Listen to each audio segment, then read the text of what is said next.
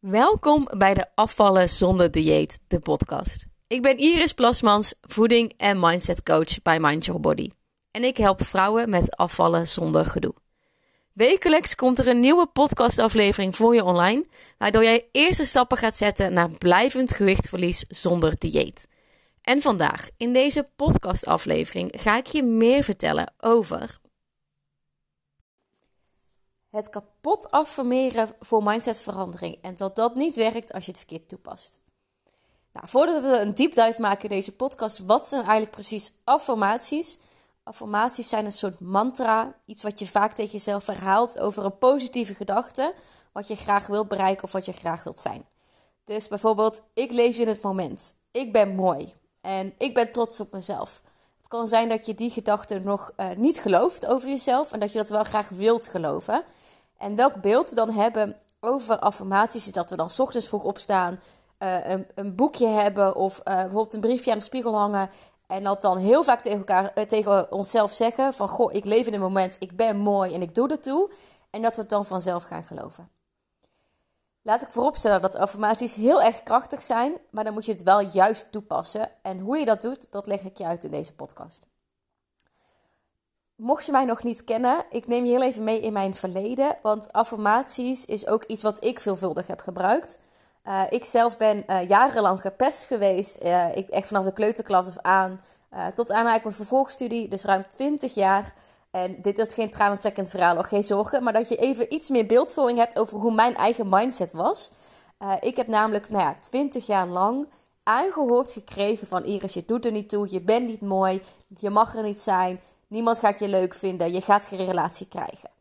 Nou, je kunt je voorstellen, zonder daar nog heel veel dieper op in te gaan, als iedereen dat tegen je vertelt, en niet één persoon, maar heel de school, 20 jaar lang, uh, en ook mensen die je niet eens kent, uh, dat dat heel veel doet met je mindset. Dus ik had een hele negatieve mindset, een hele negatieve uh, zelfbeeld over mezelf. Dan kon ik wel tegen mezelf zeggen van, goh Iris, je bent prachtig en je doet het toe. Maar daar geloofde ik natuurlijk geen s'nachts van dan werkt het niet. Dan voel je het niet, dan gaat het niet voor je werken. Wat er dan gebeurt is dat je dan een week lang die affirmaties voor jezelf opleest. Dat je dat gaat doen en dat je denkt, nou, ik merk geen verschil. Het werkt niet. Want, goh, het is ook niet gek als iedereen om je heen het dan blijft vertellen dat het, dat het niet waar is. En uh, dat heeft alles te maken met je conditionering. Een conditionering is alles wat jij meemaakt in het verleden. Dus alles wat jij gelooft als waarheid. Dus al wat al die pesters zeiden tegen mij, ik geloofde dat als tot in mijn kern. Ik geloofde dat in mijn ziel. Dat ik lelijk was, dat ik er niet toe deed. Maar jij weet het dus natuurlijk gelukkig ook, dat dat niet de reële waarheid is. Dat is mij aangepraat. Dus aan die conditionering, daar moest ik wat aan gaan doen. Nou, het perfecte voorbeeld daarin is Sinterklaas. Als je wordt geboren in Nederland, want wij Nederlanders, het is echt een Sinterklaasfeest. Als jij uh, aan iemand vraagt in... Uh, Bonaire, oh nou Bonaire weet ze trouwens wel, maar als je dat vraagt aan iemand in Oezbekistan, wie is Sinterklaas? Dan denken ze, wat? Ik heb geen idee. Nou, dat is dus alles wat je hebt meegemaakt, conditionering. Is ook, Sinterklaas is ook een stukje van je conditionering. Je wordt geboren in Nederland. Uh, uh, of, en dan vervolgens begint iedereen, zeker als je een jaar of twee, drie bent, begint iedereen over Sinterklaas rondom december. Zeker ook uh, als het Sinterklaasjournaal op tv komt. Dus het wordt nog meer bevestigd Sinterklaas bestaat. Vervolgens ook door je ouders. Die gaan helemaal mee in het verhaal. Op school, juf, de juf heeft het over. Je wordt aan allerlei kanten getriggerd. Van, goh, Sinterklaas in het land. We moeten lief zijn. Je krijgt cadeautjes als je braaf bent op 5 december. Dus wij kinderen gaan dat geloven. Totdat je in groep 5 zit. Volgens mij is het dan een jaar of tien. En het grote geheim van Sinterklaas aan bod komt dan valt echt jouw hele leven uit elkaar. Ik weet niet hoe jij dat moment hebt ervaren, maar ik kan me dat nog heel goed herinneren. Dat ik echt dacht: hè? Nou, ik, ik, ik, ik kon het gewoon niet geloven. En dat is eigenlijk natuurlijk omdat je het gevoel hebt dat iedereen tegen je een beetje heeft gelogen. Maar dat is natuurlijk helemaal niet waar. Maar dat is dus wel hoe jouw conditionering, hoe jouw mind gevormd wordt. Dat komt echt door jouw omgeving, door alles wat je hebt aangeleerd en door alles wat je hebt meegemaakt. En daarin is dus, kan je dus positieve affirmaties gaan gebruiken. Maar als je niet aan die conditionering gaat werken, dan kan je lullen als brugman. Maar dan gaat het niet resoneren. Dan gaat het niet pakken. Dan ga je het niet geloven. Daarom is het belangrijk om eerst, als eerste stap, voordat je aan de slag gaat met affirmaties, is jezelf beter leren te begrijpen. Dus ik kon wel tegen mezelf zeggen, ik ben mooi. Maar als ik mezelf niet begreep waarom ik me eerste instantie helemaal niet mooi vond, dan zou dat helemaal niet pakken. Dus de eerste stap is eigenlijk jezelf leren begrijpen. En dat is door uh, je oude verhaal eigenlijk op te schrijven. Wat heb je allemaal meegemaakt? Dus eigenlijk jouw conditionering heel helder voor jezelf neerzetten. Wat zie ik als waarheid? Wat is me aangeleerd? Uh, hoe kijk ik er zelf naar? Dus vanuit een, een breder perspectief. Want we worden allemaal gevormd door onze omgeving. Dus toen ik mezelf ging opschrijven mijn oude verhaal van goh, ik ben gepest geweest en dan en dan begon het en dit waren de triggers. Eh, dit werd er tegen mij gezegd, kon ik mezelf leren begrijpen waarom ik dus zelf ook die overtuiging had dat ik lelijk was. Als ik door dat punt voorbij was gegaan, had ik het eigenlijk onderdrukt. Dan was ik eigenlijk, had ik tegen mezelf gezegd, nou Iris, het maakt niet uit wat je zelf denkt over jezelf, maar het is bullshit, want je bent gewoon mooi. Ja, dan gaat je mind niet van veranderen, lieve schat dan ga je het onderdrukken. En dat heeft geen nut. Nou, vervolgens, als je helder hebt waar, jij, uh, waar je vandaan komt, wat je allemaal hebt meegemaakt en waardoor eigenlijk die conditionering, dus eigenlijk die verkeerde affirmatie, die verkeerde gedachte over jezelf is ontstaan, dan kan je het ook gaan ombuigen.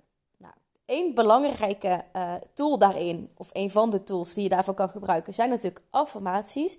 Maar het is dan wel heel erg belangrijk dat je de passende affirmaties gebruikt. Dus dat jij uh, de woorden gebruikt die bij jou passen. Uh, stel, als ik mijn eigen voorbeeld neem, als ik tegen mezelf zei uh, als affirmaties om mijn gedachten: ik ben lelijk en ik doe er niet toe, om te buigen naar ik ben prachtig en ik ben mooi. Als ik dat zou zeggen tegen mezelf, zou ik daar helemaal niets van geloven. Dus je kunt wel tegen jezelf zeggen: ik ben prachtig, ik mag, mag er zijn en de mannen staan voor mij in de rij. Maar ik geloofde dat niet in mijn kern. Dus waar ik eerst mee ben begonnen is: ik mag er zijn. Gewoon heel simpel. Gewoon erkennen dat ik er mag zijn. En dat geloof ik wel. Want ik geloof dat ik het toe deed. En dat ik het nog steeds toe doe. Ehm, en door je dat zelf te herhalen, ga je stap voor stap opbouwen. Nou, nog een voorbeeld. Uh, stel je wilt heel graag meer liefde voelen voor je lichaam. Hè? Je hebt misschien nog hele negatieve gedachten over je lichaam. Ik heb een dikke buik en uh, ik zie er niet uit en ik heb dikke billen. En dat je jezelf eigenlijk een beetje met argwaan aankijkt in de spiegel dan kun je wel tegen jezelf zeggen: Ik heb een liefdevol lijf en ik ben prachtig. Maar dat resoneert echt totaal niet. Wat je dan wel kan doen, is eigenlijk een één stapje daaronder. Is zeggen van, goh, ik heb een sterk lichaam. Ik doe ertoe. En uh, jezelf verwonderen over wat jouw lichaam aan kan. Dus dat je ook kan zien van, oh wauw, ik heb gewoon uh, tien vingers die werken. Ik heb tien tenen die werken. Ik heb een, ik heb een lichaam dat volledig functioneert. Uh, dat zorgt dat als ik ziek word door een griepje of wat dan ook, dat het zich herstelt. Het heeft een, een herstellend vermogen, een zelfstellend vermogen. En het, het zorgt mij dat ik mijn leven kan leiden zoals ik ben. Dus dat je veel meer eerst vanuit waardering naar je lichaam gaat praten. En vervolgens de volgstap is dan eigenlijk naar liefdevol. Dus dan zeggen ik, ik heb een prachtig lichaam, ik ben er trots op. Maar daarvoor mag je dus eerst dankbaar zijn. Dus eigenlijk kan je concluderen dat affirmaties ontzettend goed werkt, maar dat je het wel op de juiste manier moet toepassen. Ga dus niet voorbij aan je eigen conditionering en aan je eigen waarheid. Dus waardoor komt het dat je nog bepaalde overtuigingen hebt die je eigenlijk graag wilt veranderen? Waar komen die vandaan? Waar zijn die ontstaan? En vervolgens kan je ze stap voor stap gaan opbouwen uh, naar een waarheid die jou wel uh, gaat dienen. Vond je deze podcastaflevering interessant en ben je benieuwd naar meer? beluister dan ook zeker alle andere afleveringen. En vergeet niet om deze podcastserie te volgen, zodat jij als eerste een melding krijgt zodra een nieuwe aflevering online staat. En dan hoor je me weer volgende week bij de volgende aflevering. Houdoe!